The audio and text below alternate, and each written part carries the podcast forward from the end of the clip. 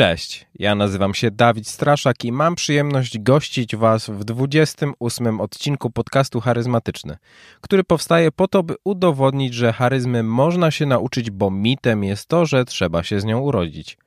A gościem dzisiejszego odcinka jest Maciej Kulhawik, znany jako Król Wrocławia. Jest to kolejny odcinek z serii rozmów z osobami charyzmatycznymi, w trakcie których będę próbował dojść do tego, skąd charyzma się w Macieju wzięła. Maciej to znawca, entuzjasta i twórca iluzji, obdarzony szóstym zmysłem. Już jako dziecko płynnie tasował talię kart jedną ręką. Doskonalił swoje sztuczki, odczarowując szarą rzeczywistość ulic. Prowadził ponad tysiąc pokazów i każdy z nich był unikalny. Organizuje zjazdy i jest mentorem polskich iluzjonistów. Współpracuje z najwyższej klasy iluzjonistami, mentalistami i artystami, by zapewnić swoim widzom niepowtarzalne doświadczenia. Człowiek, który cały swój czas poświęca na doskonalenie siebie. Talia kart jest wręcz przyspawana do jego rąk, bo nawet w trakcie wywiadu ćwiczył płynność ruchów z kartami. A w trakcie wywiadu zapytałem Macieja o to, kiedy zdał sobie sprawę, że iluzja jest czymś dla niego.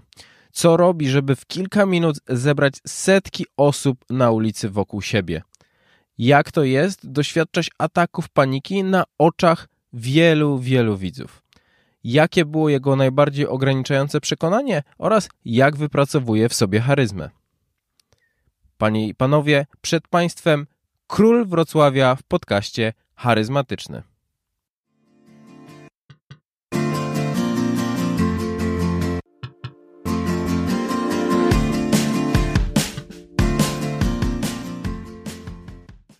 Dobry wieczór Państwu, albo dzień dobry, w zależności o której włączyli Państwo dekodery. Ja nazywam się Maciej Kulhawik, na nazwisko mam Król Wrocławia e, po mamie, a do siódmego roku życia myślałem, że mam na imię Idź stąd!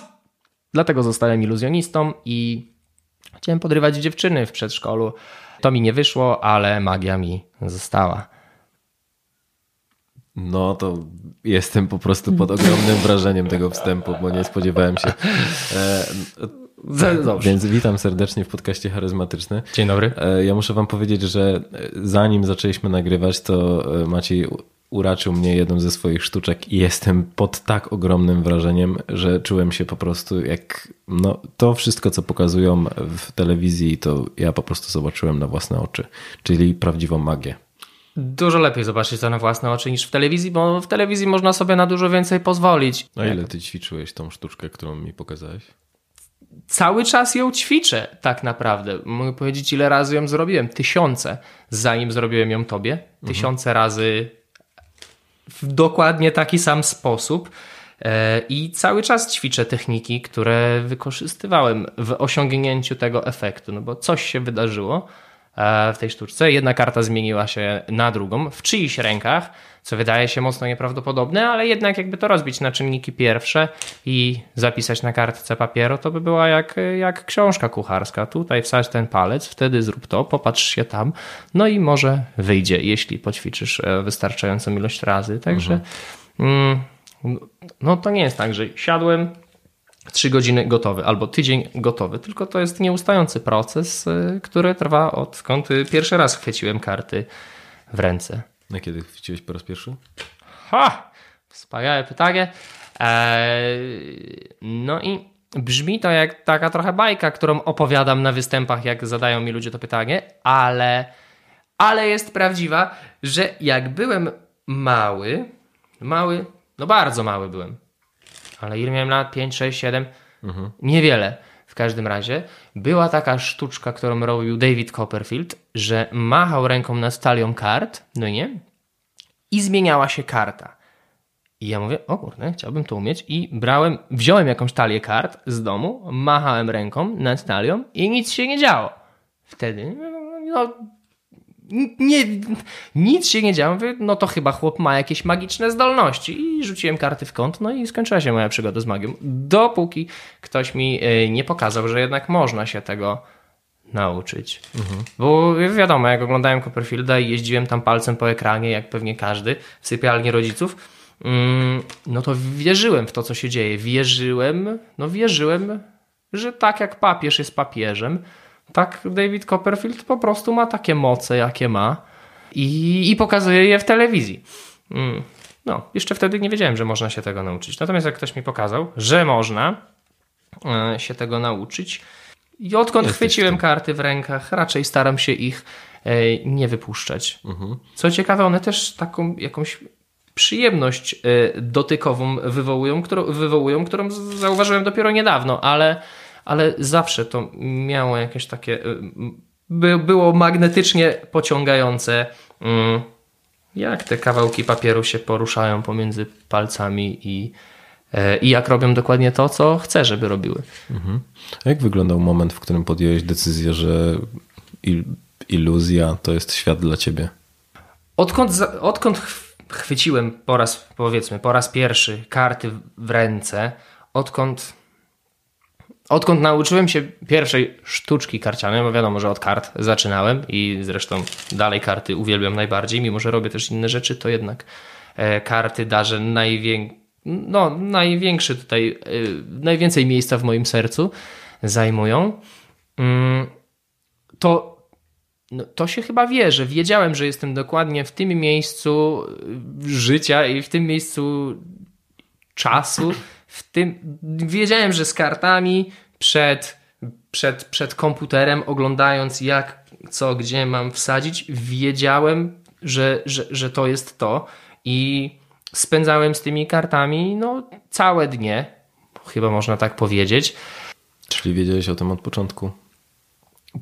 Właśnie, no, no, nie zastanawiałem się nad tym teraz. Mhm. Długa była pauza, bo teraz zacząłem się nad tym zastanawiać, kiedy, kiedy poczułem, że to jest to wydaje mi się, że, no, że było to we mnie od, od zawsze, odkąd zobaczyłem tego Copperfielda i powiedziałem chcę być jak on, gdzie mój brat, który może trochę tward, bardziej twardo stąpa po ziemi, powiedział, no co ty... Sztuczki? No, no gdzie?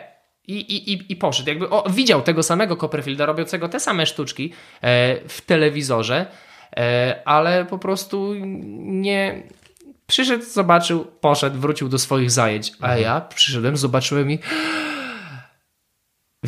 I, i chyba już nie wiem, czy to jest, e, czy, czy, czy to pamiętam, czy to są urojenia mojego umysłu, ale wydaje mi się, że już wtedy gdzieś tam w duszy głęboko wiedziałem, że chcę zostać, mhm. że chcę, nie, że chcę zostać iluzjonistą, że chcę być nim, chcę być Copperfieldem, chcę być chcę być taki jak on.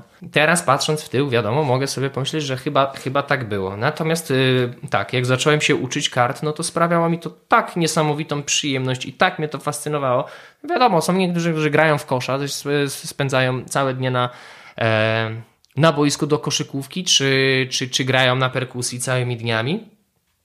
Też kiedyś grałem na perkusji, ale, ale miałem kolegów, którzy byli dużo, dużo, dużo, dużo lepsi ode mnie w to, w granie na perkusji i wiedziałem, że jak chcę się czemuś e, poświęcić e, w 100%, to wiedziałem, że chcę być w tym najlepszy na świecie, a przynajmniej najlepszy na świecie. Natomiast wiedziałem, że już wtedy była taka przepaść pomiędzy mną na perkusji, a kolegami na perkusji, że, no, że, do, że do ich poziomu nie dojdę chyba nigdy, a Chociaż to głupie, bo teraz jak oglądam tych iluzjonistów, to wiem, że to są ludzie, którzy poświęci, poświęcili 50, 60 lat nauki e, iluzji i cały czas dalej się uczą, ale jednak aspiruję w tamtą stronę, że, że, że wiem, że kiedyś, e, kiedyś będę tam na szczycie.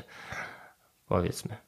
Jak tylko chwyciłem karty do rąk, wiedziałem, że dokładnie moje ręce są powstały po to, żeby trzymać 52 e, kawałki papieru w rękach. Dopiero mhm. później um, ogarnąłem, że mogę bawić tym ludzi. Mhm. Dużo ludzi, rzesze ludzi. A co sprawia Ci największą przyjemność w byciu iluzjonistą? Tak mogę Cię nazywać, czy magikiem? Raczej możesz mnie nazywać kłamcą. E, no, kurde, z tym jest trochę problem, że iluzjonista i magik po polsku nie brzmią za dobrze. Jakoś mhm. tak mi się to. Ko- Chyba jakieś są takie złe konotacje, albo to się kojarzy z jakimś dziadkiem dla dzieci, albo, albo z panem z grubszym panem w pelerynie po, po polsku, natomiast magician po angielsku, no to brzmi wspaniale, albo illusionist, ale illusionist to jest raczej od tych wielkich, dużych pudeł, dużych iluzji. Mhm. Raczej takiego kogoś jak ja machającego kartami e, nie nazywa się illusionist, ale magician brzmi, brzmi dumnie. Mhm. Magik po polsku, jaki magik, pierdale. No, e, magik, aha, to tutaj dzieci i mm, pokaż jakąś sztuczkę dzieciom. A a ja raczej dzieciom, no dla dzieci nie występuję, mimo że e, czasem można zobaczyć mnie na stricie, gdzie rodziny całe z dziećmi dobrze się bawią, ale jednak jestem e, od e, takiego trochę ostrzejszego humoru dla, dla, dla dorosłych, mhm. dla panów prezesów, którzy wiecznie są mm, czy spięci w pracy, czy, czy wszyscy im się tam podkładają i mówią tak, proszę pana, oczywiście, proszę pana, a wjeżdżam tam ja i, i czuję się z nimi na równi i traktuję ich tak, jakbyśmy byli e, równi, co chyba się podoba tym ludziom. Wiesz co, teraz, teraz najbardziej to lubię ćwiczyć i się uczyć. Na takim jestem etapie swojego życia, że tych pod, podcastów, tych pokazów e, zrobiłem na tyle dużo, które absolutnie ogromną przyjemność mi sprawiają, bo uwielbiam e, reakcje ludzi. E, u, tak, uwielbiam reakcje ludzi. Tak, uwielbiam jak są zdziwieni, czy reagują tak jak ty, śmiechem, niedowierzaniem. Są jakieś emocje, których najprawdopodobniej dawno nie było w twoim A wiesz, życiu. Że ja się sam zdziwiłem swoją reakcją, bo po prostu to była, to, to była dla mnie naprawdę definicja magii, że nie spodziewałem się tego, co, co się wydarzy i, I pojawiła jest, się zupełnie inna karta. Nie? To jest to. A ile masz lat? Tyle co ja? Podobnie? 27, 28? No to mam tyle samo. Dobra, to teraz wyobraź sobie, że występuje dla chłopa, który miał 6, ma 60 lat, czyli jest prezesem dużej firmy, wszyscy mhm. się przed nim kłaniają, zarabia kupę pieniędzy, ale ja tutaj wchodzę z kartami za 5 złotych i potrafię sobą i tym, co wyćwiczyłem w domu przez długie godziny, sprawić, że on się poczuje tak, jak jeszcze nigdy się w życiu nie czuł. To jest, to jest niesamowite. Wiadomo, że lubię, jak zrobią to bo tego, tego się nie da wymusić na widzu. Bardzo łatwo, jak się robi e, występ, czy dużo się robi występów, bardzo łatwo wymusić owacje na stojąco, bardzo łatwo wymusić brawa, ale taki gasp of disbelief, no to to jest uczucie nie do podrobienia, czy reakcja nie do podrobienia, więc bardzo lubię, jak się ona pojawia, ale bardzo też lubię, jak się pojawiają reakcje, które które sobie, czy reakcje, czy emocje w ludziach, które sobie wymyśliłem wcześniej. Na przykład wiem, że w tym momencie mają się zaśmiać, a w tym mają właśnie być zadziwieni, a w tym momencie mają się trochę bać, mm, czy sztuczka wyjdzie, czy, e, czy nie wyjdzie. I ja sobie to wcześniej piszę w domu na kartce papieru, e, wymyślam co, gdzie ma być, no ale później wymaga to stu pokazów, zanim to zostanie doszlifowane, zanim materiał zostanie sprawdzony e, i zanim rzeczywiście zaplanowane reakcje pojawiają się w zaplanowanych miejscach, a może nigdy się nie pojawiają, ale to sprawia mi ogromną radość w występowaniu. Natomiast w całym byciu iluzjonistą uwielbiam ćwiczyć i uczyć się nowych rzeczy. E, jara mnie to niesamowicie. To nie jest tak, że uczę się jakiejś sztuczki tylko dlatego, żeby ją później pokazywać gdzieś tam. Tylko uczę się czegoś, co, czego rzeczywiście jeszcze nie umiem, albo robię sobie ruchy karciane, jak tutaj e, widzisz, robię sobie ruchy, które sprawiają mi ogromną jakąś taką przyjemność e, w rękach. I jak siedzę przed komputerem, oglądam wykłady, mamy swoje wykłady dla magików. Eee, ściągnięte Czyli jest szkoła magii. Oj, no może, no pewnie jest parę, ta, ja wiem o dwóch na świecie, jedna w Hiszpanii, druga w Las Vegas, pewnie jest tego sporo, eee, natomiast y, są, są portale, które wypuszczają wykłady z, ze znanymi iluzjonistami, ci iluzjoniści to są znani w środowisku iluzjonistów, raczej, e, raczej może nie szerszej publiczności, ale rzeczywiście oni uczą, czy, czy uczą swoich sztuczek, technik, to lubię oglądać. Sztuczki lubię oglądać, techniki bardzo lubię oglądać, natomiast to, co mnie jara najbardziej, to teoria i kto, kiedy, co wymyślił i, e, i dlaczego. Teoria występowania. No to jest coś, co lubię najbardziej. Lubię oglądać teorię występowania, słuchać o niej, czytać o niej książki, a w międzyczasie ćwiczyć e, trudne rzeczy trudne mhm. techniki, których i tak później nikomu nie pokazuję, bo nikogo to nie obchodzi, ale wierzę, wiem, no jestem pewien, że ćwiczenie trudnych technik tu sprawia, że mój pokaz, gdzie nawet nie używam kart, ćwiczę trudne techniki z kartami gdzieś tam na stole, robię duży pokaz dla, dla, dla kilkuset osób gdzieś tam, gdzie w ogóle nie ma kart, ale te ćwiczenia tutaj z kartami sprawiają, że tamten pokaz jest lepszy. No mhm. i oczywiście oglądanie wykładów o tej, o, o teorii, teorii iluzji, historii iluzji i teorii występowania. Coś takiego. A czy miałeś jakieś wyobrażenie na temat tego, jak wygląda bycie iluzjonistą, które w ogóle się nie sprawdziło? I, I tak, ja myślałem, że jak będę świetny w tym, co robię, no to nagle cały świat się o mnie dowie. Że jestem świetny tam na, na rynek, no, jestem świetny e, u babci na chacie. No i nie do końca tak to wygląda, żeby świat się o mnie dowiedział, wymaga to dużo, dużo mojej pracy i, i pracy ekipy ludzi tak naprawdę teraz dookoła mnie, nad którymi no, nad którymi też długo, długo pracowałem. To nie było tak, że od początku miałem kogoś, kto się mną e, zajmował. To była, to była ciężka walka z wiatrakami, zanim doszedłem do osoby, której e, rzeczywiście na mnie zależy. Zależy jej na moim, e, powiedzmy, jakimś tam sukcesie i na moim dobrobycie, i która wzięła z moich barków e, dużo, jeśli chodzi o załatwianie tych e, pokazów i I bardzo dużo mnie uczy ta osoba również właśnie na temat prowadzenia biznesu, na temat reklamowania siebie. A magia jest jednak taką formą, że ją trzeba komuś pokazać. To nie jest tak, że można ćwiczyć na instrumencie dla siebie, można ćwiczyć techniki dla siebie, ale żeby, żeby wywołać ten efekt, ten efekt, no to jednak jest potrzebna ta druga osoba. I mhm Właśnie, wyprodukowanie podcastu to jedno, promocja tego to drugie. Ja nigdy się nie czułem dobrze w promocji, nigdy nie byłem, miałem, mam dalej kolegów takich e, ra, ra, ra, fifa, rafa, że e, nauczą się jakiejś sztuczki i od razu lecą w świat e, ją pokazywać. Ja nigdy taki nie byłem. Ja raczej wolałem ćwiczyć w domu i czekać na to, aż świat mnie zauważy. A świat nie przychodził. Świat nie przychodził, dalej nie przyszedł, ale przynajmniej przyszedł e, pan Antoni, który się zajął pchaniem mnie w świat. O. Czyli twój menadżer. Tak, menadżer, opiekun, idol i mentor. Coś takiego. No, co ciekawe, zawsze, odkąd byłem mały, jak pierwszy raz machałem tymi e, rękami nad kartami, czułem wewnętrznie, że chcę być iluzjonistą, że chcę być nim, tym panem Copperfieldem z telewizora. Tak, e, odkąd byłem mały, czułem, że chcę być znany i bogaty. To była jedyna odpowiedź, jaką miałem w mózgu, kim chcesz zostać w przyszłości, milionerem. Nie wiem skąd się to ujebało dziecku sześcioletniemu w mózgu, ale już wtedy czułem w tym y, wielką wartość. Dalej widzę w tym wielką wartość, ale teraz z zupełnie innych powodów. Natomiast wiedziałem, że to jest jedyna moja życiowa droga. Mhm. Dobra. Chciałem też podpytać o o występowanie publiczne i, i, i chciałbym zacząć od tego, że ty jesteś w stanie w momencie, kiedy występujesz na, na, na ulicy czy tam na rynku, mhm. zgromadzić w kilka minut od zera kilkadziesiąt, a może i nawet kilkaset osób. I w jaki sposób ty to robisz? Są na to techniki.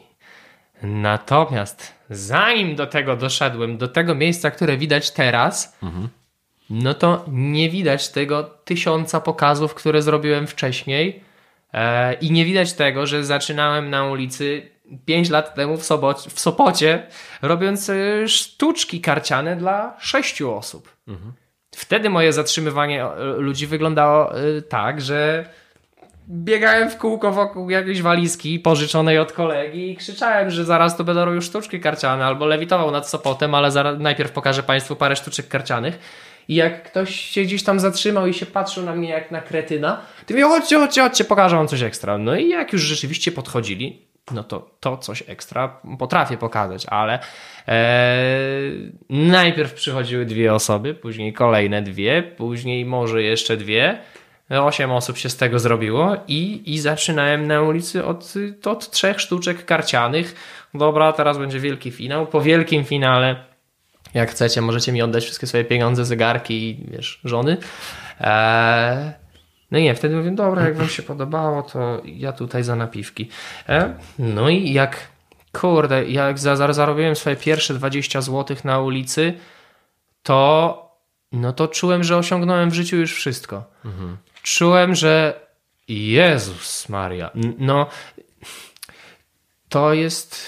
Yy, no ciężko mi porównać to uczucie yy, z czymkolwiek. Miałem, miałem powiedzmy wiele takich momentów, e, takich, które doskonale pamiętam na, na swojej ścieżce iluzjonistycznej, czy do tego, tak, na, na ścieżce do tego miejsca, w którym jestem teraz, ale jak pierwsze zarobione pieniądze na ulicy, e, gdzie tam te pierwsze pokazy zarabiały właśnie 15, 20, jak było 30 zł, to było Jezus Maria. No nie, bo Co to się. z tymi pieniędzmi? Kurde, bo to się przeliczało w głowie, że tam, że wiesz, że koleżanka pracuje w Cinema City za 4,95 na godzinę, a ja tutaj zrobiłem pokaz i jest 30 zł. I się bawiłem jeszcze swoimi zabawkami. E, no to, to, było, to było niebywałe, to się w głowie się nie mieściło. E, ale mm, no to jest cała sztuka zatrzymywania tych ludzi na, e, na, na ulicy. Najpierw no musisz jakoś zdobyć ich uwagę, tylko że zdobyć ich uwagę, przykuć ich uwagę, e, zbliżyć do siebie, pokazać im coś ekstra i żeby chcieli zostać. No nie, a no, jakby zdobyć czyjąś uwagę, zwrócić czyjąś uwagę, to jest prosto, wiesz, wyskoczysz na niego z zaśmietnika i krzykniesz i on, wiesz, masz jego uwagę przez chwilę, no ale on powie spierdala i pójdzie dalej. E, więc przykuć uwagę to, to, to, nie wszystko, trzeba ich jeszcze umiejętnie e, e, do siebie przysunąć. Um, ustawić w miarę, nawet jak to jest 8 osób, to ustawić ich tak, żeby te 8 osób widziało dobrze. No i później trzeba im pokazać coś ekstra i najlepiej skłonić jeszcze, żeby zapłacili, ale jak nie zapłacą, to te, też się nic wielkiego nie stanie, bo, bo czegoś się nauczyłeś e, w tym momencie. No i to, że teraz te kółka są takie duże i łatwe, chociaż nawet nie zawsze jest łatwe. Tak jakbym wyszedł teraz, jest wtorek, 30 e, stopni na dworze, no to nie byłoby, zastosowałbym swoje wszystkie techniki z przeczytanych książek, E, czy jakieś tam takie patenty, które muszą działać na 100%, no nikt się nie zatrzyma, bo kto mnie tutaj będzie w tym wielkim słońcu oglądał. Natomiast e, na weekend jest duża szansa, że ktoś jednak się zatrzyma, bo ludzie sobie przechadzają, przechadzają się wolno po rynku. Teraz, mm, no te, te, teraz działa tyle elementów w moim pokazie, że, że to jest niemożliwe nie zebrać tego kółka. No ale zanim, zanim do tego doszedłem właśnie jak to kółko wyglądało, no to było, było yy, wiesz, setki pokazów frustracji dla ośmiu osób, dziesięciu, które w trakcie sobie jednak idą, bo nie chcą tego oglądać. No bardzo, bardzo było takich, yy, nie wiem czy raniących, rozczarowujących, takich, że a ja chcę coś wam tutaj ekstra pokazać, a wiesz, ludzie mają w pompie i idą, bo, bo nie umiałem ich i skupić ich uwagi i ich przytrzymać i nie potrafiłem nie potrafiłem tego streetowania powiedzmy, mhm. a, a, a teraz wiesz, ja, no powiedzmy, że jestem tam jakoś charyzmatyczny, do, do czego dojdziemy, bo co to znaczy, to jeszcze tego nie rozgryzłem, ale wiem, że mam w sobie dużo energii, którą wiem jak skierować w stronę tłumu, żeby ich tam uderzyć tą energią, włączam muzykę, gadam jakieś śmieszne czy bzdury przez, przez mikrofon, rozstawiam swoją wielką czterometrową flagę, biegam w kółko, rysuję rzeczy, robię, rozstawiam swoje rzeczy na rynku, no to, to jest y, to jest tak niecodzienny widok dla tych ludzi, że robi się ogromne kółko wokół mnie ludzi, którzy patrzą, co tu się dzieje i co tu się wydarzy. Ja w międzyczasie rozkładając się i wariując tam e, dookoła, mówię, co się wydarzy, więc ci, którzy już słyszą, że będzie, a iluzjonista, idę, to idą, ale ci, którzy zostają, no to później do mnie podchodzą, do mojej wodnej linii, którą sobie rysuję wokół siebie i jakoś też ich muszę ściągnąć do tej wodnej linii, co nie jest takie proste. Nawet, nawet teraz nie zawsze chcą ludzie e, podchodzić, mimo że stosuję jakieś tam swoje, e, swoje techniki, swoje, swoje teksty, które muszą działać. O, nie zawsze, nie, nie, nie zawsze to działa i jak ludzie nie podchodzą, mają w pompie. Kiedyś też się bardzo spalałem, bardzo, a ja chcę coś tu pokazać, żeby nie podchodzić. Kiedyś nie, nie rozumiałem, po prostu nie rozumiałem tego, że ludzie po prostu mogą nie chcieć. Stoją se tam, popatrzą jak tu wariuję. Przecież to nie jest ani mój rynek, ani ich. Ja nie, nie powiem, no to dobra, to idźcie do galerii, bo mi rozpraszacie ludzi. Tego nie powiem. E, kiedyś, kiedyś może bym tak powiedział, może i tak mówiłem. Natomiast teraz, jak nie chcą mnie oglądać, jak, są, jak nie mam ładnego, ciasnego koła wokół siebie, wiem, że mam jeden taki numer rozgrzewkowy, po którym albo to koło się ściaśni, albo sobie pójdą. Mhm. Zazwyczaj parę osób odchodzi, bo no dobra, zobaczyliśmy pierwszą sztuczkę. Idziemy. E, A jaki jest cel tego, żeby koło było na tyle ścisłe?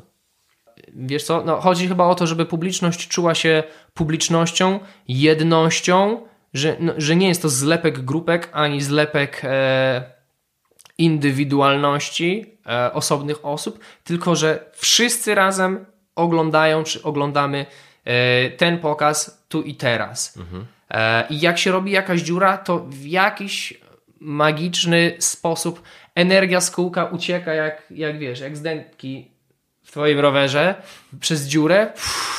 I nagle, jak, jak publiczność widzi, że ktoś tu się wyłamał i ktoś poszedł, no to nagle, aha, czyli można sobie iść stąd. I nagle, nagle ta struktura koła się rozpada.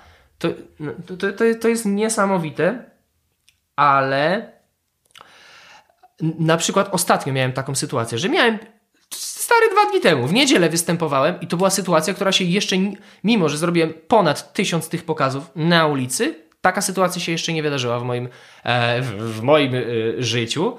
E, miałem piękne koło, musiałem mocno pracować nad tym, żeby ludzie byli wokół mnie. Dużo mnie to kosztowało energii. Czułem, że każdego muszę trzymać niejako na wirtualnej, e, mentalnej smyczy, żeby sobie nie, nie poszli. Mhm. Musiałem, że czuję, że muszę się mocno skupić nad tym, pracować nad, e, nad ludźmi z każdej strony, wiesz, tego tu dotknąć, tego klepnąć, żeby, żeby cały czas coś się działo, żeby czuli. Mm, na, na ulicy nie ma, nie ma miejsca na dead time, tam się cały czas coś musi dziać. E, I albo to jest taka, wiesz, fala, energia, że ja coś puszczam, publiczność to odbija i sobie gramy w, w tego energetycznego tenisa, albo ja cały czas muszę ich trzymać na, na, na tej energetycznej smyczy. Mm, I robię pokaz, jestem w trakcie numeru, podchodzi do mnie pan ochroniarz ze sceny który, z, z, Europy na widelcu i mówi, że dziecko się zgubiło i żebym powiedział, bo mam tutaj 300 osób, 200 dookoła siebie, e, żebym powiedział, że dziecko się zgubiło, jak wygląda, może się znajdzie. Powiedziałem, że dziecko się zgubiło, mała dziewczynka e, z plecaczkiem niebieskim i w czapce z Elzy, zgubiła się, może ktoś widział i wiesz, wszyscy się zaczęli rozglądać. Gdzie ta dziewczynka? Ktoś nawet, chwilę to trwało, zaczęli się rozglądać, ja stoję jak ten, no stoję na swojej walizce w trakcie sztuczki, no, no raczej z, zaginiona dziewczynka jest ważniejsza niż moje trzy sznurki, które tam są poplątane w jakiś sposób. Więc ludzie zaczęli się oglądać, ja nie dobra, ja mówię, dobrze, to panowie ochroniarze się tym zajmą, ja tu kontynuuję numer, ale był zgrzyt, ktoś krzyknął, że znalazła się, pobiegłem tam do tej dziewczynki, już byli ochroniarze ze sceny przy niej, już e, mówili, że super, dziękuję za tą, e, za, za tą informację, bo ktoś rzeczywiście z, moje, z, z mojego kółeczka ją e, i znalazł i, i, i zawołał ochroniarzy. Ochroniarze przy niej byli, czekali na rodziców, natomiast ja wracam w swoje kółko i wiesz, może zostało 15 osób z tych wszystkich z takiego pięknego, ciasnego koła, którym... Więc jak się rozproszyli, przestali zwracać uwagę na mnie, no to to się wszystko rozmyło.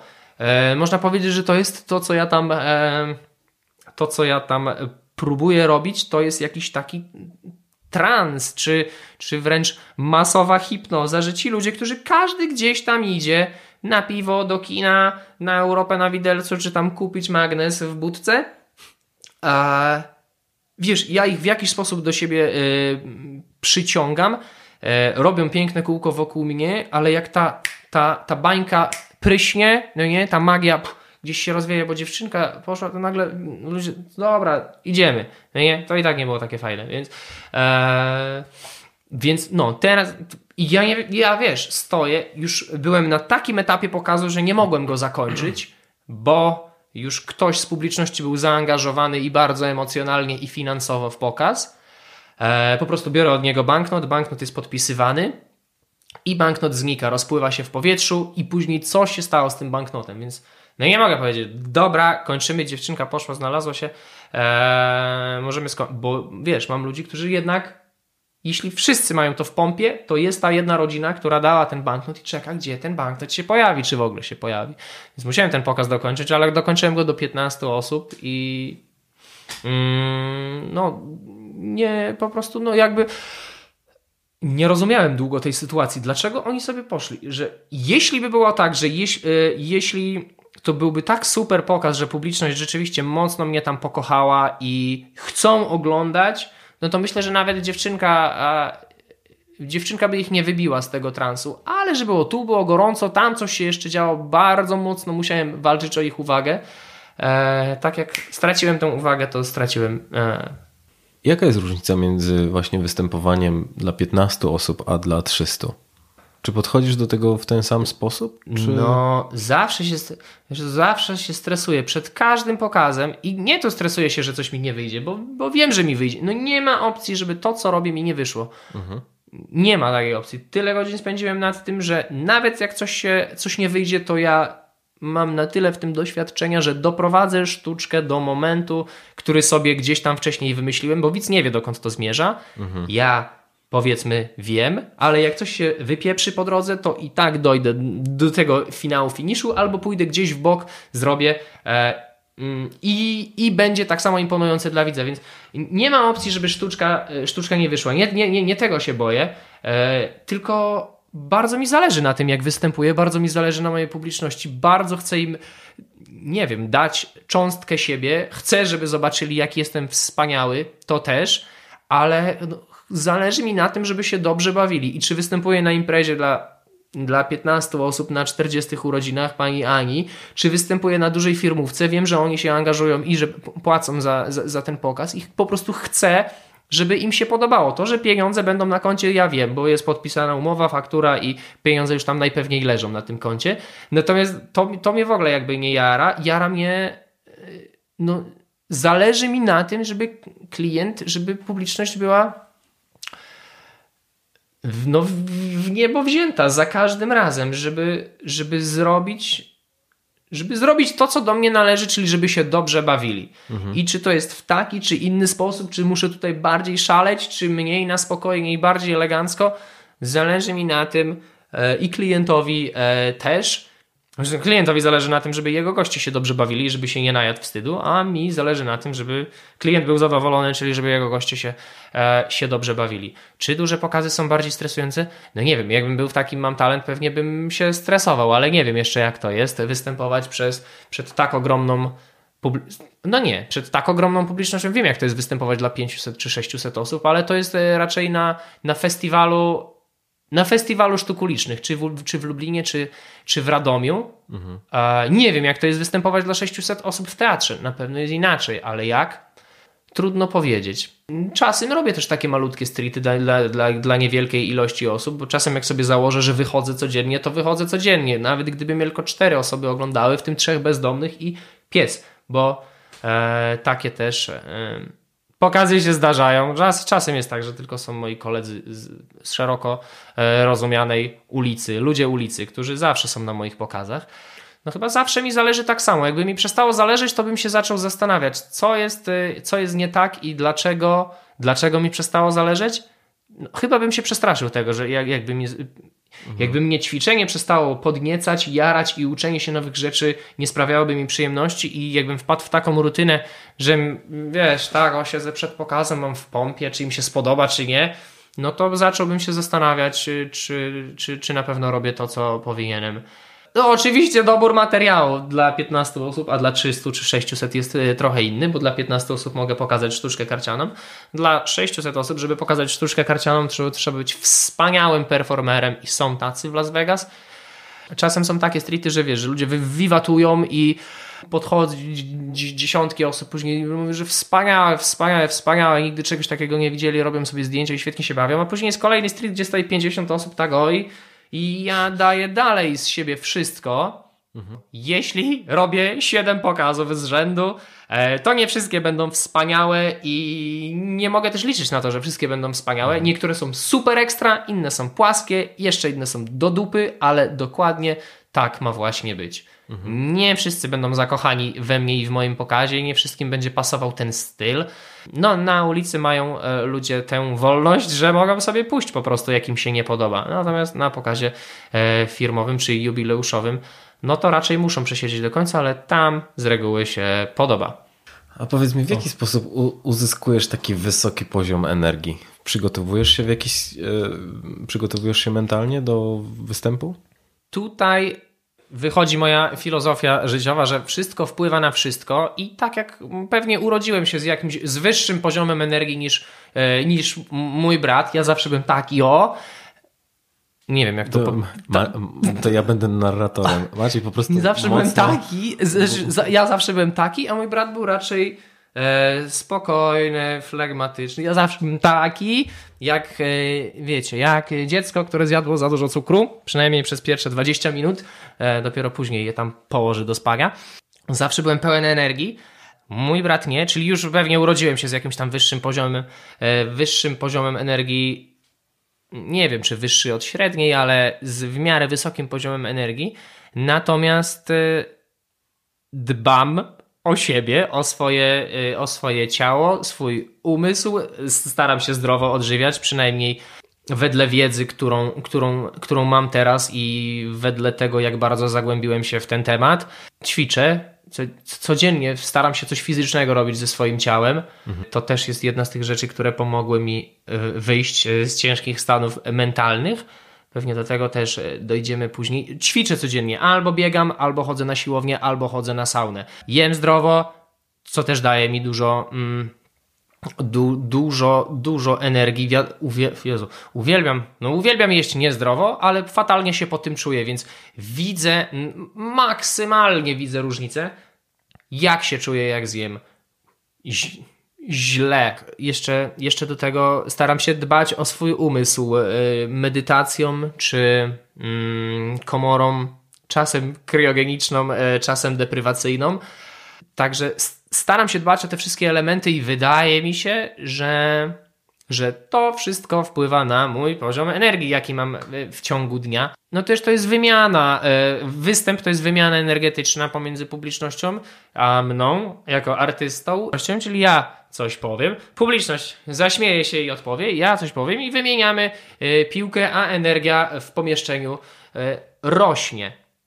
Natomiast jeśli widzę, że ludzie nie reagują na to, co, a, to, co robię, no to raczej wtedy się mocno muszę, mocno się muszę skupić na tym, czy potrzebuję dużej pojemności myślowej, dużej części swojego mózgu muszę użyć, bo no, niejako ta y, bycie energetyczną osobą przychodzi mi e, bardzo łatwo. Natomiast jak, jak widzę, że to nie trafia do publiczności, czyli ja mam poziom energii taki, tutaj, Super wysoki. super wysoki tutaj pod lampą, a publiczność jest na bardzo niskim poziomie energetycznym, to jak ja tam będę szalał na swoim poziomie energetycznym, to nikt mnie tam, nikt mnie nie zrozumie. Będzie co on, co, bo, a, to będzie jak, jak często to sobie porównywałem te moje wcześniejsze pokazy, jak wiesz, małpka jadąca na monocyklu, tam jeszcze tłucząca w te w dwa talerze i wiesz, tu, tłukąca się po głowie, ro, ro- robiąca wszystko, w- bardzo dużo szumu wokół siebie, ale nic z tego nie wynika, no nie? Para idzie w gwizdek, a nie w koła e, głównie i i zanim ja się zorientuję, że publiczność nie reaguje na te moje może żarty, czy na mój e, sposób bycia, czy na moją e, charyzmę, tak jakbym sobie e, tego życzył, no to wtedy muszę mentalnie i fizycznie odetchnąć e, i zejść z tego poziomu energetycznego i zacząć od, e, od poziomu energetycznego publiczności i e, hopefully e, zabrać ich w podróż na jakiś wyższy poziom energetyczny. Bo no, publiczność zawsze startuje na jakimś tam płaskim levelu. Ja powinienem mieć trochę wyższy od nich, ale nie na wysoki, bo ich przytłoczę sobą i tym wszystkim. Nagle co się dzieje? Tutaj wychodzi chłop, tu coś znika, tam wybucha, tutaj cekiny, dziewczyny, tygrysy. Nie, nie to, to tak raczej nie, nie, nie może wyglądać.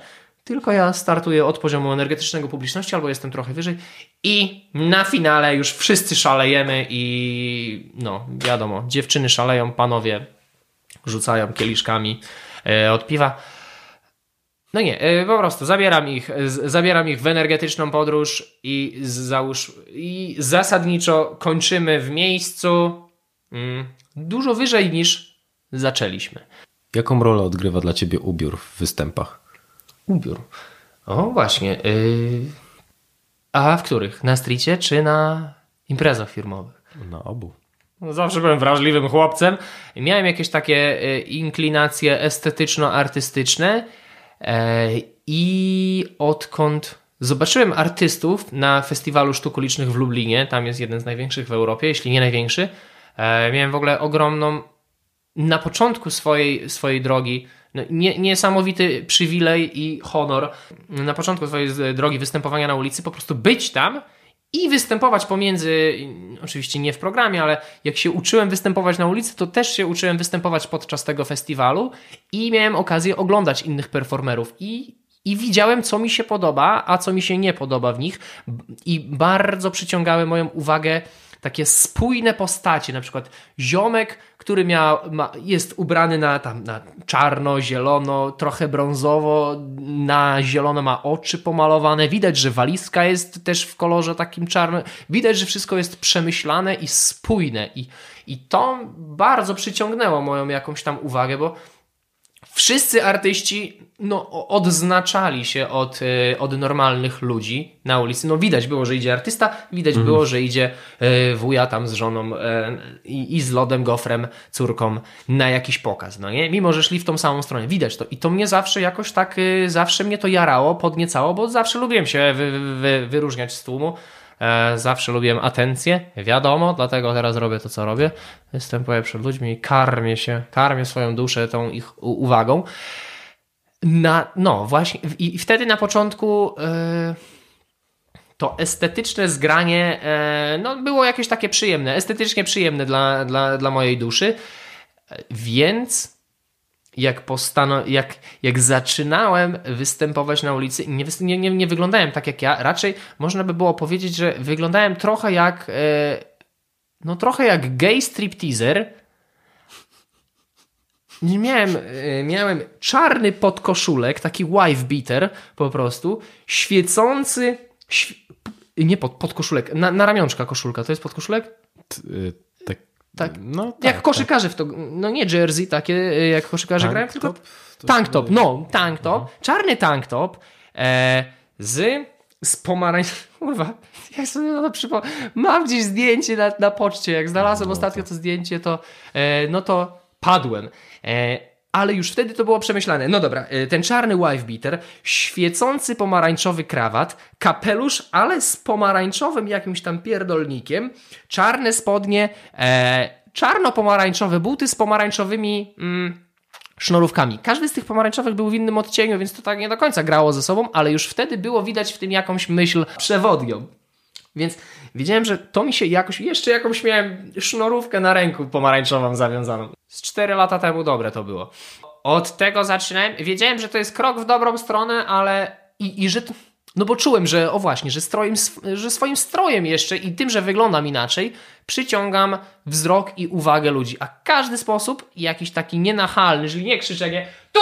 Yy, nie krzyczenie, każdy nienachalny sposób przyciągnięcia czyjejś uwagi jest dobry, bo jak widzę, że się patrzą za mną, bo wyglądam jak obojętnie, jak stripteaser w tym pomarańczowym kapeluszu, ale powiem, podejdź, podejdźcie bliżej, pokażę wam coś ekstra, no to już mam tę, tę ich pierwszą uwagę, którą tylko muszę, wiesz, przyciągnąć na, na linię. I więc e, tak, pytanie, jaką rolę odgrywa strój? Strój odgrywa e, rolę bardzo ważną. Tam e, teraz wygląda może trochę inaczej niż, niż ten pomarańczowy stripteaser, ale zawsze ta myśl przewodnia, że muszę być spójny w swoim stroju i spójny, schludny, ciekawy, przykuwający uwagę. Tak mniej więcej miało to wyglądać, no i to wyewoluowało w to, że że moim rozpoznawczym, powiedzmy, elementem były czerwone, czerwone buty, które kiedyś po prostu sobie wymyśliłem w zarze czarny strój i zobaczyłem czerwone buty i jakoś po prostu tak, jak zobaczyłem pierwszy raz e, talię kart, wiedziałem, że że to jest y, to, co chcę robić w życiu. Tak zobaczyłem te czerwone buty. Wiedziałem, że one do mnie pasują, bo wiedziałem, że od gimnazjum lubiłem jakieś takie jaskrawe kolory, stąd ten pomarańczowy. I wiedziałem, że te czerwone buty to będą czymś dużym elementem w moim stroju. No i zaczęło się od czerwonych butów, czarnego stroju. Później jakieś dodatkowe czerwone elementy, czerwona walizka. Najpierw była posprajowana na, e, na czerwono z czarnym tam napisem. E, później była czarna walizka z czerwonym napisem. Wszystko to było, wszystko miało to być przemyślane. Bardzo lubię cytat, nie wiem czy to cytat, ale słowa taty kolegi, e, który. Tata kolegi jest szachistą, tata Alberta, pan Krzysztof. Dobrym, dość szachistą i my tam często gramy z Albertem w szachy, nie umiemy w ogóle, ale coś tam przesuwamy te piony. Znaczy wydaje nam się, że umiemy, ale tylko on przychodzi, pokręci głową E, i wychodzi ten pan tata, ale on zawsze mówił, że lepiej grać ze słabym planem niż bez żadnego planu w szachy. Mhm. Ale to się też odnosi do mojego chyba życia, że jak sobie wymyśliłem, że, że będę chodził w tych czerwonych butach, tak później kupiłem drugą parę czerwonych, trzecią parę czerwonych, nie takie same, ale wszystkie spełniały te same założenia, że były całe czerwone i nad kostkę. To musiały spełniać te buty. No i tak popłynęło, że 4 lata później do teraz mam z 21 takich par, czy może więcej czerwonych butów. Natomiast na, na imprezach firmowych e, zasada dalej jest e, taka sama, że ma, ma być schludnie, ma być nawet jak występuje dla panów w drogich garniturach, dla prezesów jakichś firm, to czuję, że muszę wyglądać na, o, o jeden ton lepiej niż wszyscy na sali. Mhm. Chyba. No może mój garnitur nie będzie, nie jest tak drogi jak ta cała reszta, ale jest bardzo ciekawy, jest y, uszyty specjalnie na mnie, więc nie ma żadnej zmarszczki, no to jest idealnie ma leżeć, ma być taki ciekawy, przyku, przykuwający uwagę, że jak tylko wjeżdżam tam, wchodzę na imprezę, to widać, że on jest tutaj kimś, że nie, że jestem nie, kimś. Nie jesteś z tej firmy. Widać, że jestem tutaj z jakiegoś powodu, mhm. tylko oni jeszcze nie wiedzą, jaki to jest powód. Widzą, że pasują stylem na tą imprezę, natomiast tak, jest, jest to coś, co przykuwa uwagę. A jakie było najbardziej ograniczające przekonanie na temat samego siebie? Dalej nad tym pracuję. Ciężko nad tym pracuję, ale to jest moja ogromna pięta achillesowa. Już teraz mniej, kiedyś bardzo, że bardzo się porównuje do innych. Mhm. I to mnie strasznie spalało, strasznie mnie ograniczało. Teraz, e, odkąd zacząłem dużo intensywniej e, i częściej i regularniej medytować, to mogę spojrzeć na tę sytuację trochę z boku, ale kiedyś e, nie mogłem znieść tego, że koledzy moi, powiedzmy z branży, którzy wiem, że są technicznie słabsi ode mnie albo mhm. nie tak dobrzy technicznie, ale odnoszą dużo, dużo większe sukcesy. Jakieś tam, co, coś odnoszą sukcesy, jak wtedy definiowałem sobie sukces. Czy mają więcej pokazów, czy mają więcej pieniędzy, czy mają co tam mają. Mm, imprezy i, i, i, i, drogie hotele. Kiedyś to mnie e, jarało, podniecało. E, ale tak, i to, że no przecież i, no przecież ja jestem lepszy od niego, a on jest tam, on nic nie umie, a pcha się tu, tu, tu, tu i tu, a nie powinien się pchać, a teraz mogę spojrzeć na to, a co mi do tego, że co mi, kim ja jestem, żeby powiedzieć, co on powinien, a czego nie powinien. To jest pierwsza rzecz. Dopiero powoli Zaczynam e, to rozumieć po książce Jordana Petersona 12 Rules for Life. Powoli zaczynam rozumieć, że nie powinienem się porównywać tym, kim ktoś jest teraz, tylko ze sobą z dnia poprzedniego, z mhm. sobą wczoraj. Zaczynam rozumieć, że, że nie mogę patrzeć na innych, którym tak bardzo zazdroszczę, tak jednowymiarowo, no nie? Że oni mają to, to, to i to, a ja tego nie mam, więc ich życie jest lepsze, bo to, bo to, bo to. No, może nie do końca, bo może mają inne problemy, o których ja sobie, o których istnieniu ja sobie zupełnie nie, nie, nie zdaję sprawy. To jest jedno, a może ich życie tutaj wygląda wspaniale na Instagramie, wiadomo, a, ale wiesz, wraca zmęczony po tych pokazach do domu i bije żonę. Kto, kto, kto, kto wie? Nie wiadomo. Może tak, może nie. Może, może pije alkohol później, bo, bo musi, bo nie może znieść tego. Albo sobie wykręcił taki poziom życia, że teraz musi robić tyle tych pokazów i, e, i, i musi się martwić o to, żeby tam popłacić te wszystkie rachunki e, i spłacić leasingi drogich samochodów. Kiedyś bardzo zazdrościłem innym, Teraz może i też, ale no teraz rozumiem, że to nie jest żadnym wyznacznikiem, że ktoś tam ma więcej odsłon na, e, na YouTubie, czy, czy ktoś ma tutaj sukces w takiej dziedzinie, czy. bo może w życiu jest po prostu zwykłym fiutem i nie chciałbym być nim, ani e, nie chciałbym być na jego miejscu.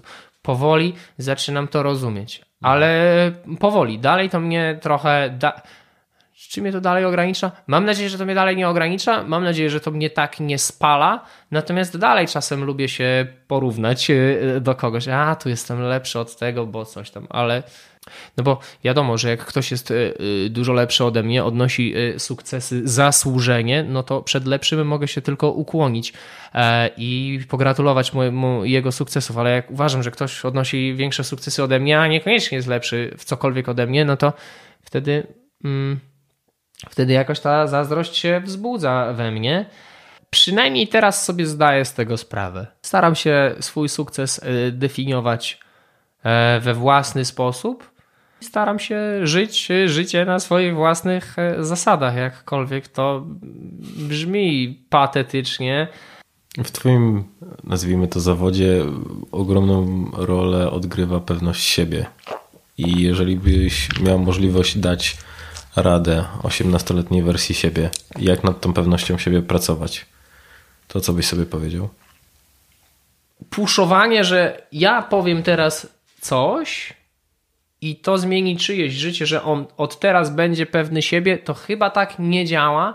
Wydaje mi się, że ta pewność siebie buduje się tylko i wyłącznie na fundamencie doświadczeń, które mamy w swoim życiu i niekoniecznie chciałbym, żeby wszyscy byli pewni siebie, bo wydaje mi się, że, że, że większość ludzi, którzy są tacy FIFA, Rafa, pewni siebie, e, czy ci, którzy najgłośniej mówią, że a ja, ja, ja, ja, to tak naprawdę nie mają nic do powiedzenia i może są pewni siebie, ale czy coś dobrego z tego wynika? To nie wiem.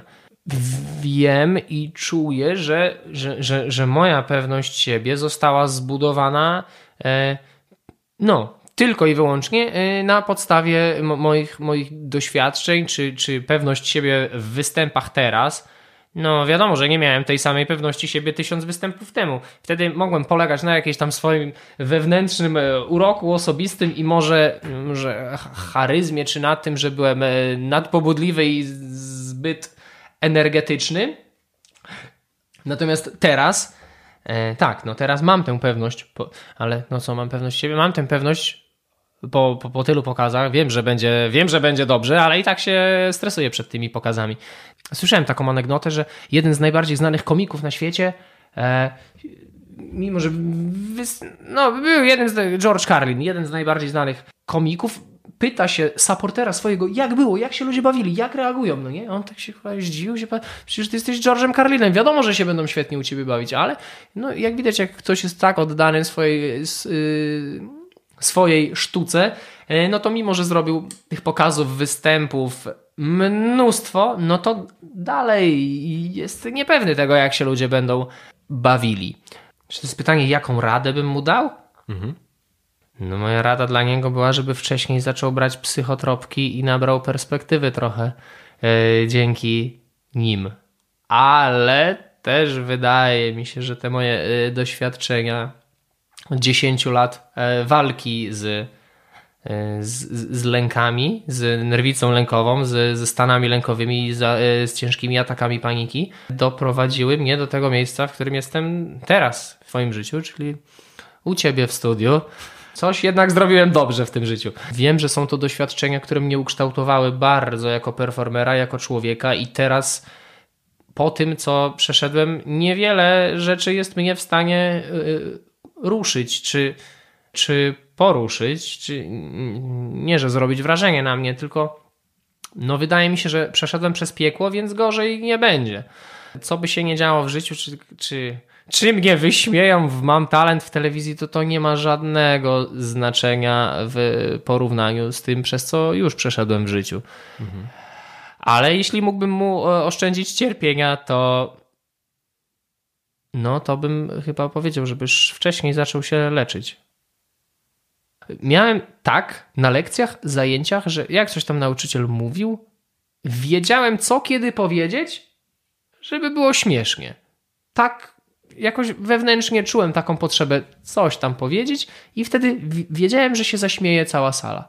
No i raczej się śmiała, a jak się nie śmiała, no to wiedziałem jak odbić piłkę, mm, żeby, żeby podbić ten śmiech.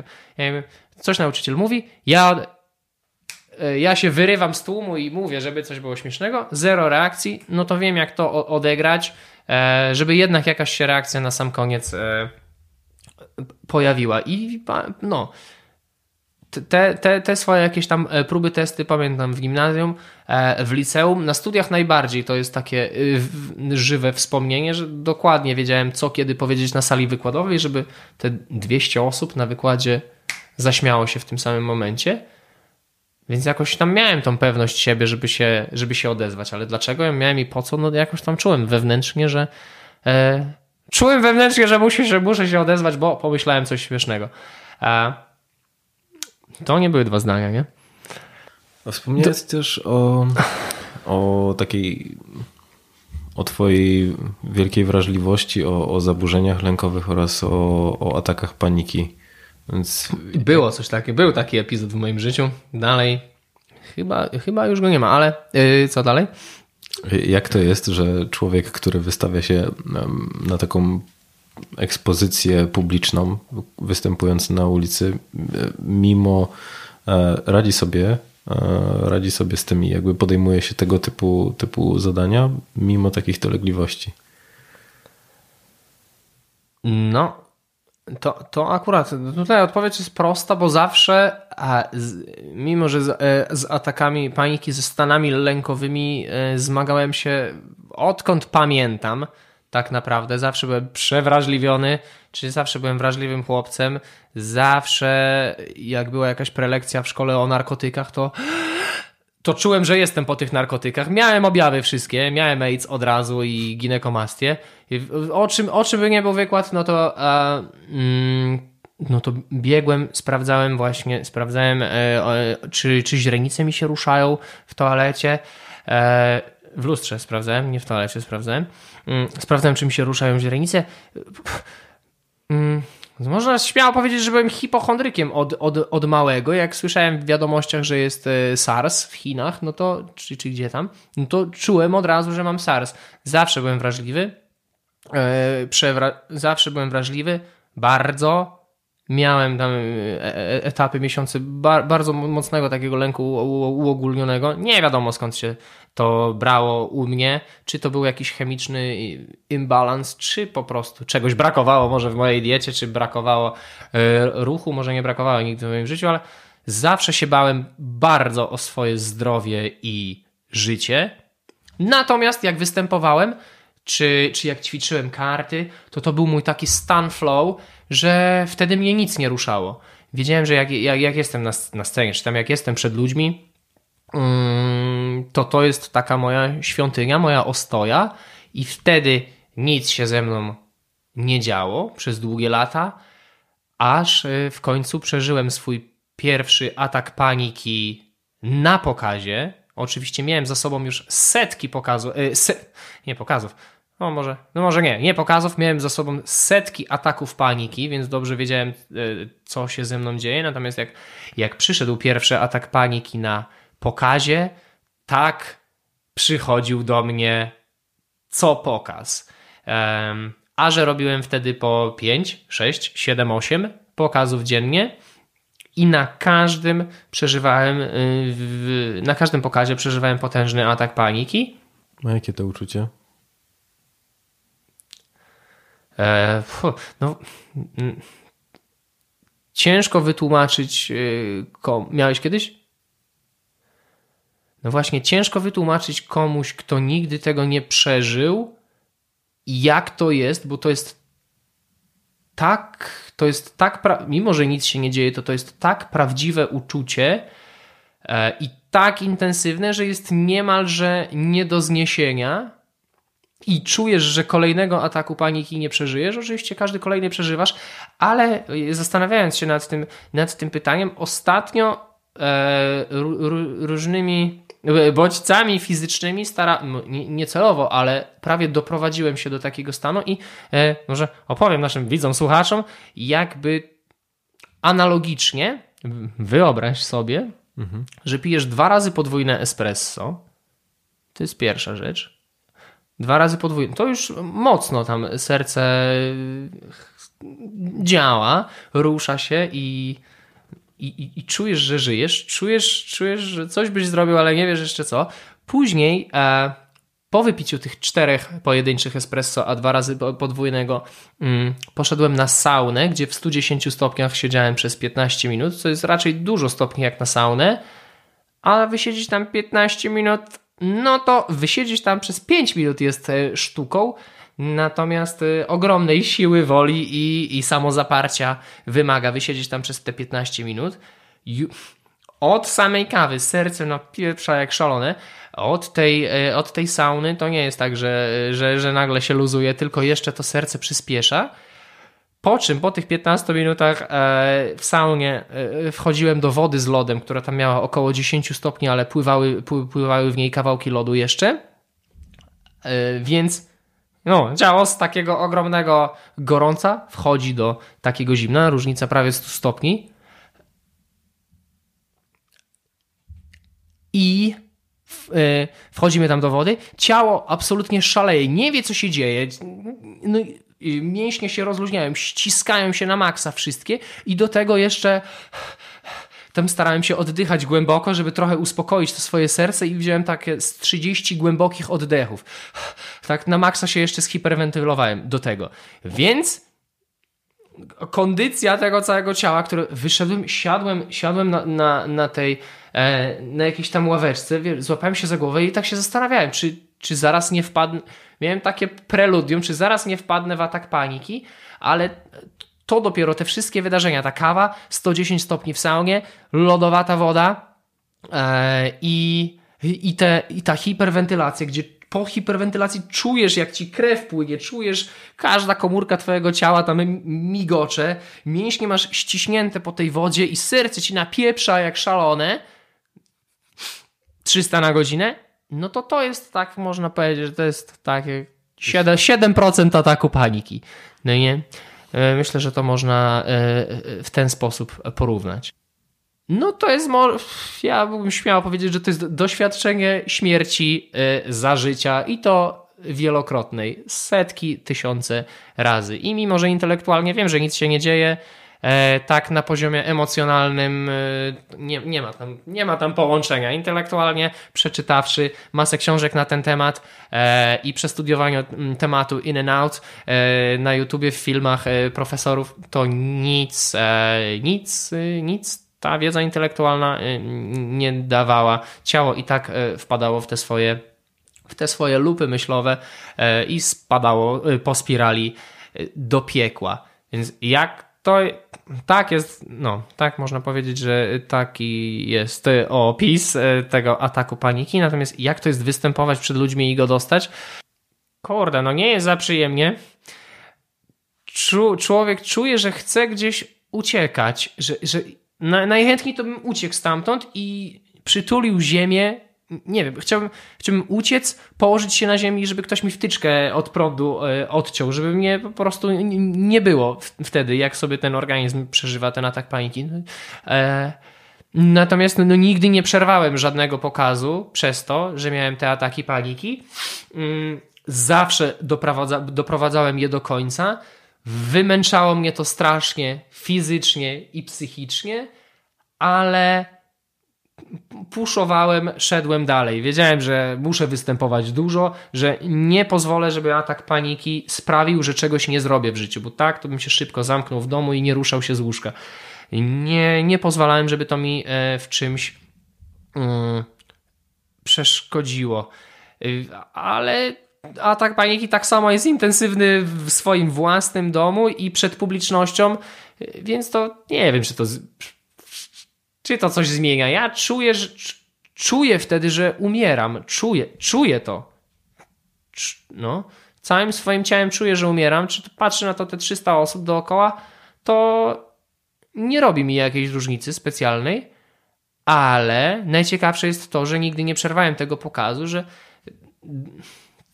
dalej w mojej głowie skrypt leci i mówię to, co mam mówić, robię to, co mam robić, ale myślami jestem zupełnie gdzie indziej. Myślami sprawdzam sobie puls, sprawdzam tętno, sprawdzam drogi ucieczki, którędy będę mógł biec, jak już będę musiał biec, ile jest do najbliższego szpitala, ile kogo będę prosił, żeby dzwonił po karetkę zaraz, bo wiem, że jak tam padnę na ziemię, e, no to wszyscy się będą patrzeć na to, nikt nie podejdzie, musi być wyznaczona osoba, ty dzwonisz po karetkę.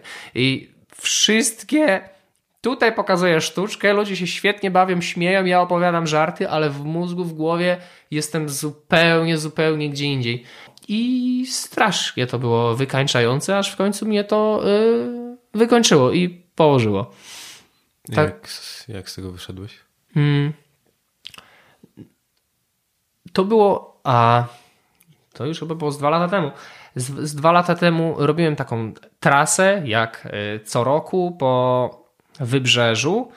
Od yy, zaczynaliśmy od Międzyzdrojów po Władysławowo w każdej większej e, miejscowości się zatrzymywałem i występowałem. Natomiast tutaj szybko na początku trasy mnie położyło, bo było e, Międzyzdroje, później zaraz Kołobrzeg, no i w, w Kołobrzegu dostałem jakiegoś takiego e, załamania nerwowego, chyba tak to można e, powiedzieć, że ten lęk uogólniony. Wtedy już się bałem po prostu wszystkie. Bałem. Bać to się można dostać w pysk na pasażu Niepolda we Wrocławiu. To jest, to jest po prostu takie uczucie przytłaczające, tak jakby 200 kilo się zwaliło na ciebie lęku i musisz je nosić e, wszędzie ze sobą. To jest e, tak wyczerpujące i to jest mm, no tak e, przygniatające do gleby że po prostu yy, upadłem pod tym ciężarem. Nie mogłem, nie wiem, nie mogłem jeść, nie mogłem pić, nie, emocjonalnie mój system nerwowy był wykręcony jak szmata yy, i, yy, i mogłem tylko płakać. Tylko to była jedyna rzecz, która mi przychodziła do głowy wtedy. Ty, znaczy, tylko jedyny outcome, jaki ze mnie wychodził.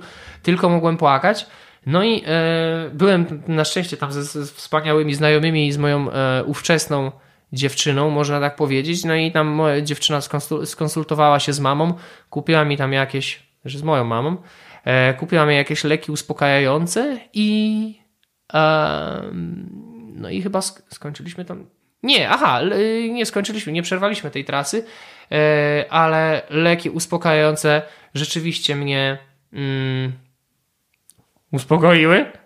Niesamowite to było, że po, po, połknąłem dwie tabletki, których wcześniej się strasznie bałem, bo jak wiadomo, bałem się wszystkiego i SARS, i, i narkotyków w szkole, i a, i wszystkiego, co było w wiadomościach. Bałem się też, że przedawkuję witaminę C i bałem się wcześniej e, brać e, leki antylękowe, bo też się bałem skutków ubocznych tego, a że tam jest cała litania tych skutków ubocznych wypisana, e, no to tym bardziej nie chciałem ich próbować. Nigdy wcześniej nie połknąłem żadnej tabletki e, uspokajającej, no ale tam byłem w takim stanie, że sobie pomyślałem, że jak umrę po tych lekach uspokajających, po których absolutnie nic się nie mogło stać, e, jeśli umrę po tych lekach, no to właściwie w sumie nie najgorzej, bo to jest jedyne wyjście z tej sytuacji, które, e, które widziałem. No i nagle no, wziąłem te tabletki i jak ręką odjął. Pomogło mi to na tyle, że mogłem e, kontynuować występowanie e, w tej trasie, ale w międzyczasie została umówiona wizyta z panią psychiatrą i, i oczywiście dalej E, dalej e, codziennie, codziennie tłukły mnie po pysku te ataki paniki, codziennie robiłem po 4-5 pokazów. Na każdym pokazie dostałem potężnego ataku, który mnie strasznie fizycznie, strasznie, rano psychicznie, wiadomo, fizycznie też nie wiem, czy to mięśnie są takie ściśnięte, czy o co tutaj chodzi, ale e, fizycznie czułem się wyczerpany, mimo że spałem po 13 godzin w tej trasie, to budziłem się zmęczony, kładłem się spać zmęczony i cały dzień chodziłem zmęczony. Natomiast po wzięciu tych tych e, tabletek uspokajających, to zmęczenie też magicznie po prostu zeszło. Nie wiem, czy to rozluźniło moje spięte mięśnie jakieś głębokie, e, czy co to porozluźniało. No ale rozluźniło mnie to w jakiś sposób, że mogłem kontynuować trasę, mogłem sobie dalej wpadać w te ataki paniki, ale żarłem te leki uspokajające. Wieczorem leczyłem się sam alkoholem, bo e, najlepszy, najlepiej działało na mnie połączenie dwóch piw i tabletek uspokajających. To rozwiązanie nie było takie sustainable, więc e, jednak szukałem pomocy specjalisty. Była tam umówiona wizyta u pani psycholog, po, psychiatry. Pojawiłem się u niej, dostałem od niej porozmawiać. Sam się tam zdiagnozowałem, ona powiedziała na końcu tak. Dokładnie. Opowiedziałem jej całą ścieżkę swojego życia, że od zawsze byłem przewrażliwiony tutaj, że kiedyś parę lat temu próbowałem brać te antydepresanty, ale jeszcze było bardziej, bardziej było intensywnie. Po tym bardzo się ich bałem strasznie. Dała mi jakieś leki nowej generacji, które tam mogą przez tydzień wywołać ból, ból głowy i, i nic więcej. Żadnych tam innych skutków ubocznych nie było. Zacząłem brać leki, antydepresanty i w połączeniu z. Poszedłem na psychoterapię. Wcześniej próbowałem paru wizyt u psychologa, ale chyba jakby jego podejście nie, wspaniały to był człowiek, bardzo mi się podobało u niego. E, natomiast w ogóle dzięki temu psychologowi moje pokazy stały się dużo, dużo, dużo lepsze. Natomiast z, lęków mnie nie wyleczył. Wyleczyły mnie psychotropki i terapia kognitywno-behawioralna. Pozna Poznawczo-behawioralna. Tak, tak. Po, dobrze. Terapia poznawczo-behawioralna na wspaniałą panią. Trafiłem tutaj we Wrocławiu w centrum, w Centrum Terapii Behawioralno-Poznawczej i to połączenie tam rozprac rozpracowaliśmy po prostu ten, ten problem. Ja nie... Przed braniem leków i przed braniem tej psy... przed, przed braniem leków i przed e, terapią nie wierzyłem, że mogę się pozbyć tego, co. Myślałem, że po prostu jestem tak skonstruowany, bublowaty jestem. Niektórzy mają jakieś, wiesz, kaprawe kolano, inni mają krzywe uszy, krzywe zęby. Ja po prostu wiedziałem, że jestem mentalnie coś nie za bardzo i że tak mam, że się wszystkiego boję. I to w tak w taki bardzo, tak, tak bardzo to odczuwam wszystko. Natomiast po połączeniu leków i po połączeniu terapii wyzdrowiałem. W jaki mm. sposób ten psycholog, ten pierwszy, pomógł ci w wystąpieniach? Kurde, to jest dobre. Byłem u niego może parę razy i w trakcie mm, w trakcie tego leczenia się u niego, powiedzmy, w trakcie w międzyczasie tych paru wizyt, on przechodził rynkiem z żoną i widział mój pokaz. Widział ten pokaz i na kolejnej lekcji czy na kolejnej wizycie rozpracowywaliśmy to i mówił, że ja się tam strasznie spalam, strasznie dużo, bardzo się angażuję emocjonalnie w to. Ba widać, że bardzo chcę, widać, że bardzo, że daję z siebie wszystko, tej całej energii, którą, którą tak mam w sobie. A widać, że to niekoniecznie rezonuje z ludźmi. I właśnie on, on mi powiedział, że chill out, zwolnij, hold your horses, podejdź do tego spoko... Właśnie on, on mnie nauczył tego, że jeśli publiczność nie reaguje na tą moją ilość energii, może tak ma właśnie być. Mhm. Że dla, dlaczego, ja sobie, dlaczego ja sobie wymyślam, jak ma wyglądać ten pokaz akurat? Może ten akurat ma, może na tym akurat pokazie nie mają ludzie wariować, tylko sobie stoją tak i sobie przeżywają w środku to, co się dzieje. A ja tym swoim e, poziomem energetycznym może właśnie wyburzam ich z tego, z, z, z tego stanu yy, kontemplacji tej magii, czy ty, tych niemożliwych rzeczy, które się dzieją. Więc on mnie nauczył tego, żeby dopasować właśnie ten poziom energii do publiczności i yy, w książce, którą ostatnio przeczytałeś, na, Jezu, nie wiem, czy to było w Tools of Titans Tribe of Mentors teraz. I jedno z ostatnich zdań w książce Tim napisał i to podkreślił parę razy, że e, secret in winning at any game lies in not trying too hard. Możesz przetłumaczyć na polski, bo możemy mieć też słuchaczy. Możemy mieć też słuchaczy z Polski? Dobrze.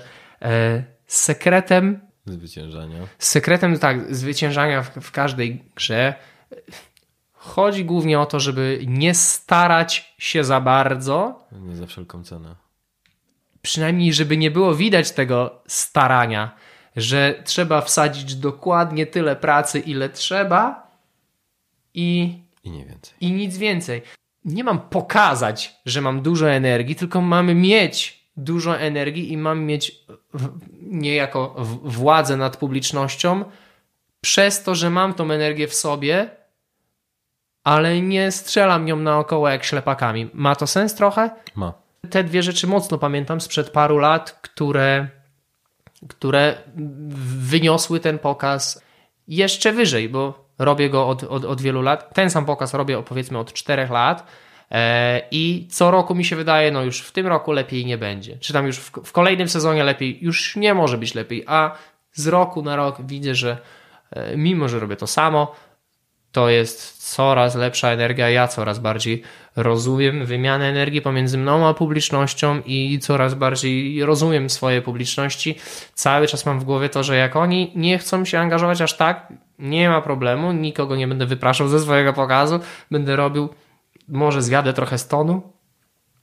No, kiedyś tego nie umiałem. Kiedyś tylko umiałem krzyczeć i tam bić tym tamburynem nad głową i się klepać po brzuchu, jeździć na monocyklu. E, Metaforycznie, bo na monocyklu nie jeżdżę. Wielokrotnie w trakcie naszej rozmowy pojawiło się słowo charyzma. Czym charyzma dla ciebie jest? Próbuję rozgryźć ten temat od dawna. Jest to termin trudny do określenia. Nie da się go złapać tak jak szklankę, tylko to jest coś jak, jak wiesz, jak chmurka, że chcesz złapać tą chmurę i nie bardzo ci idzie, bo ona się y, rozwiewa na wszystkie strony. Mm, Nie jest to mm, tak, że jedna osoba jest bardziej charyzmatyczna od drugiej, tak jak e, żongler, który żongluje pięcioma piłkami, jest zdecydowanie lepszy od tego, który żongluje tylko trzema. I to jest. To wiadomo. Oczywiście uwielbiam e, kanał e, Charisma on Command. Znasz, oglądasz, lubisz. I, i super, l- lubię jak ten chłop, chłopczyk, pan, e, analizuje, mm, czy, czy, czy te debaty, wypowiedzi, czy, e, czy analizuje zachowania różnych ludzi, ale to mi się wydaje, że, że to jest jak patrzenie, wiesz, jak jazda samochodem, analizując to, co się już wyda.